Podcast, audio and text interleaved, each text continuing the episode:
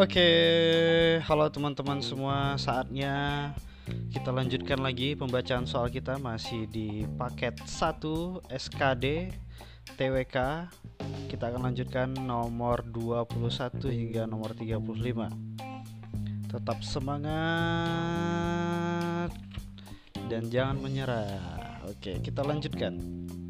Nomor 21 PPKI persidangan PPKI bersidang sebanyak tiga kali yaitu pada tanggal 18, 19, dan 22 Agustus 1945 Jadi ingat ya PPKI bersidang sebanyak tiga kali yaitu tanggal 18, 19, dan 22 Agustus 1945 Hasil sidang kedua PPKI tanggal 19 Agustus adalah Jadi hasil sidang keduanya adalah jawabannya adalah membentuk wilayah provinsi dan departemen. Jadi hasil sidang kedua PKI tanggal 19 Agustus adalah membentuk wilayah provinsi dan departemen. Pembahasan Oke, jadi hasil sidang PPKI adalah yang pertama pada tanggal 18 Agustus 1945 hasilnya adalah mengesahkan undang-undang dasar, memilih presiden dan wakil dan membentuk KNIP. Jadi pada tanggal 18 Agustus 1945, hasil sidang PPKI-nya adalah mengesahkan Undang-Undang Dasar, memilih presiden dan wakil, dan membentuk KNIP. Jelas ya. Kemudian, sidang kedua pada tanggal 19 Agustus 1945 adalah membentuk 8 wilayah provinsi dan 12 kementerian serta 4 menteri negara jadi pada tanggal 19 Agustus 1945 hasil sidang PPKI yang kedua adalah membentuk 8 wilayah provinsi dan 12 kementerian serta 4 menteri negara. Jelas ya. Kemudian sidang yang ketiga yaitu pada tanggal 22 Agustus 1945 menghasilkan pembentukan PNI dan Badan Keamanan Rakyat atau yang disingkat BKR. Jadi sidang PPKI yang ketiga yaitu pada tanggal 22 Agustus 1945 adalah membentuk PNI dan Badan Keamanan Rakyat atau BKR. Terima kasih, kita lanjutkan nomor 22. Pemilu pertama Indonesia tahun 1955 diikuti oleh 29 partai politik dan empat besar pemenang pemilu tersebut secara berurutan adalah PNI, Masyumi, NU, PKI. Jadi jawabannya adalah PNI, Masyumi, NU, dan PKI. PNI, Masyumi, NU, PKI pemenang pemilu pada tahun 1955 dari 29 partai politik dan empat besarnya adalah PNI, Masyumi, NU, dan PKI. Kita lanjutkan. Nomor 23, pemilu pertama Indonesia tahun 1955 yang diikuti oleh 29 partai politik dibagi menjadi dua tahapan. Jadi pemilu tahun, tahun 1955 itu tidak sekali tahap, tapi dua tahap. Tahapan pertama tanggal 29 September 1945 adalah untuk memilih Jawabannya adalah Dewan Perwakilan Rakyat. Sedangkan yang kedua bagaimana? Mari kita bahas. Jadi pemilu pertama Indonesia tahun 1955 yang diikuti oleh 29 partai politik dibagi menjadi dua tahapan.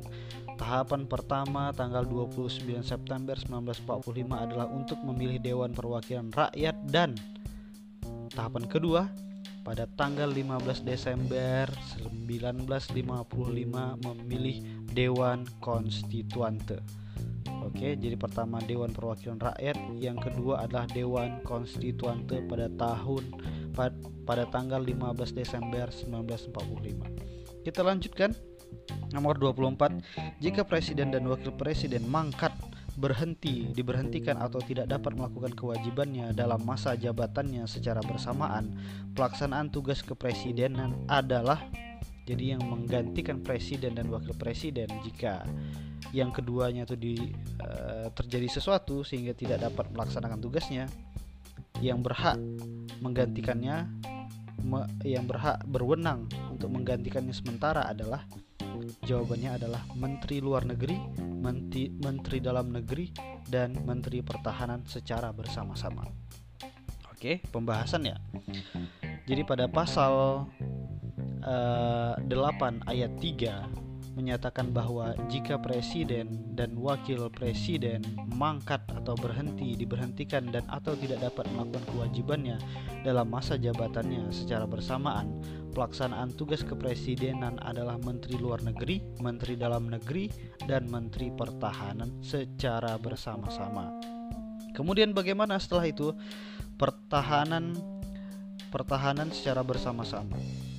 Selambat-lambatnya 30 hari setelah itu, Majelis Permusyawaratan Rakyat menyelenggarakan sidang untuk memilih presiden dan wakil presiden dari dua pasangan calon presiden dan wakil presiden yang diusulkan oleh partai politik atau gabungan partai politik yang pasangan calon presiden dan wakil presidennya meraih suara terbanyak pertama dan kedua dalam pemilihan umum sebelumnya sampai berakhir masa jabatannya. Nah, jadi begitu ya. Kita lanjutkan. Nomor 25. Semua kalimat di bawah ini adalah kalimat tidak baku kecuali Nah, ini bahasa Indonesia, kita lewatkan saja. 26 Pasangan kata jual beli ini juga bahasa Indonesia tidak keluar menurut Pan RB. Kita lanjutkan nomor 27. Manakah kalimat di bawah ini masih bahasa Indonesia juga? Kita lanjutkan 28. Dalam UUD NRI 1945, keputusan Majelis Permusyawaratan Rakyat atas usul pemberhentian presiden dan atau wakil presiden harus diambil dalam rapat paripurna Majelis Permusyawaratan Rakyat harus hadir dihadiri.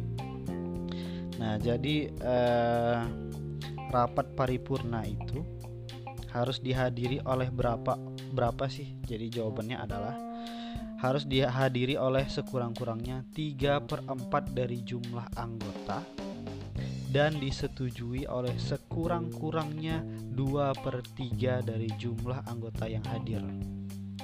Jadi ingat aja 3 per 4, 2 per 3 3 per 4 dari anggota dan disetujui oleh 2 per 3 dari jumlah anggota yang hadir. Kemudian kita lanjutkan 29.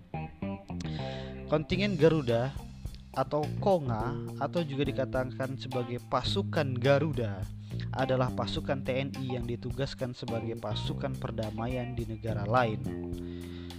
Konga pada tahun 1974 dikirim ke ayo ke mana? Jadi Konga ini ditugaskan ke luar negeri ke mana dia pada tahun 1974 jawabannya adalah ke Vietnam. Pembahasannya nah ini pembahasannya cukup panjang ya. Kita bacakan Kontingen Garuda atau disingkat KONGA atau disebut juga pasukan Garuda adalah pasukan tentara nasional Indonesia yang ditugaskan sebagai pasukan perdamaian di negara lain. Beberapa daftar KONGA adalah kontingen Garuda 1 dikirim pada 8 Januari 1957 ke Mesir. Jadi yang pertama itu ke Mesir. 8 Januari 1957. Kontingen Garuda kedua dikirim ke Kongo tahun pada tahun 1960. 1960 ke Kongo. Yang kedua, yang ketiga dikirim ke Kongo lagi tahun 1962. Jadi Mesir, Kongo, Kongo. Kita lanjut. Yang keempat dan kelima dikirim ke Vietnam pada tahun 1973. Jadi Mesir, Kongo, Kongo, Vietnam. Yang keenam kontingen Garuda dikirim ke Timur Tengah tahun 1973. Jadi Mesir, Kongo, Kongo, Vietnam, Timur Tengah. Kemudian kontingen ketujuh dikirim ke Vietnam lagi pada tahun 1974. Kita ulangi, Mesir, Kongo, Kongo, Vietnam, Timur Tengah Vietnam pada tahun 1974. Kemudian kontingen Garuda yang ke-8 dikirim dalam rangka misi perdamaian PBB di Timur Tengah pasca perang Yom Kippur antara Mesir dan Israel. Oke, itu dia. Kita lanjutkan nomor 30. Pasukan Garuda adalah pasukan perdamaian asal Indonesia yang ditugaskan sebagai pasukan perdamaian di negara lain. Pasukan Garuda ketiga dikirim ke Nah, tadi kita udah ingat tadi urutannya adalah Mesir, Kongo, Kongo. Berarti ke Kongo. Mesir, Kongo, Kongo, Vietnam, Timur Tengah, Vietnam, kemudian Timur Tengah lagi. Oke, kita lanjutkan. Dalam sidang BPU PKI, Supomo memaparkan teori negara menurut Spinoza, Adam Muller, dan Hegel. Supomo menginginkan negara Indonesia menganut paham. Jawabannya adalah integralistik. Oke, kita bahas. Yang menjadi titik perhatian Supomo dalam teori negara adalah teori integralistik yang dipelopori oleh Spinoza, Adam Muller, dan Hegel. Menurut penganut teori ini, negara tidak untuk melindungi kepentingan golongan dan tidak juga untuk menjamin kepentingan perseorangan, tapi negara menjamin kepentingan masyarakat seluruhnya. Yang terpenting dalam negara yang berdasarkan aliran integral kata Supomo ialah penghidupan bangsa seluruhnya. Bagi Supomo, aliran ini sesuai dengan alam pikiran ketimuran dan cocok dengan corak masyarakat Indonesia. Jadi itulah uh, Supomo dan integralistik. Kita lanjutkan.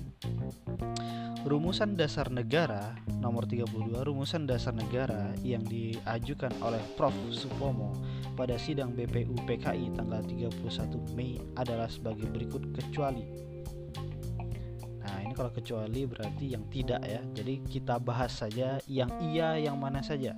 Jadi yang iya adalah rumusan dasar negara yang diajukan oleh Prosupomo pada sidang BPU PKI tanggal 31 Mei adalah yang pertama adalah persatuan. Kedua, kekeluargaan. Ketiga, keseimbangan lahir dan batin. Keempat, musyawarah. Kelima, keadilan.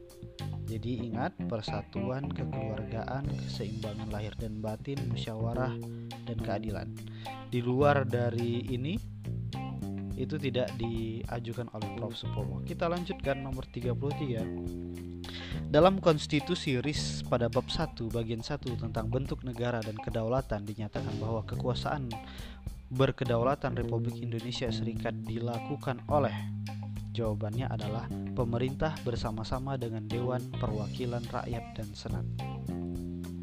Oke, pembahasannya jadi uh, bunyi dari pasal 1 kris itu adalah satu.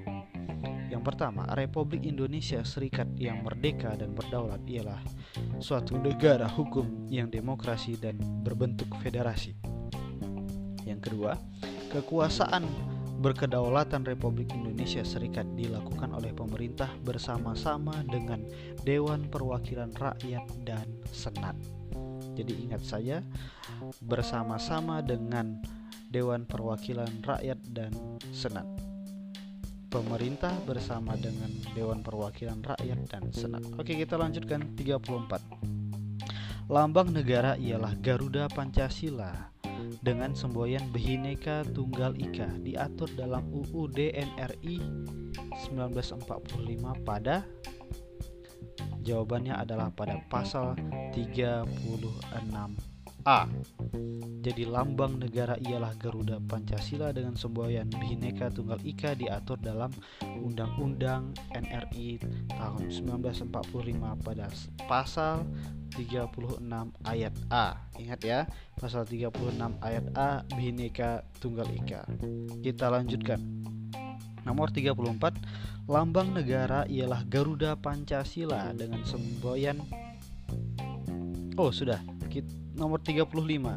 Tentang lagu kebangsaan Indonesia adalah Indonesia Raya. Hal ini diatur dalam Undang-Undang NRI 1945 pada Jadi tadi Bhinneka Tunggal Ika pasal 36A Kemudian tentang lagu kebangsaan Indonesia adalah Indonesia Raya itu diatur pada pasal jawabannya adalah 36B. Jadi 36A Bhinneka Tunggal Ika, 36B Indonesia Raya. Oke, itu aja. Kita sudah menyelesaikan paket pertama tes wawasan kebangsaan pada hari ini. Kemudian akan kita lanjutkan pada kesempatan berikutnya. Sampai jumpa lagi. Oke.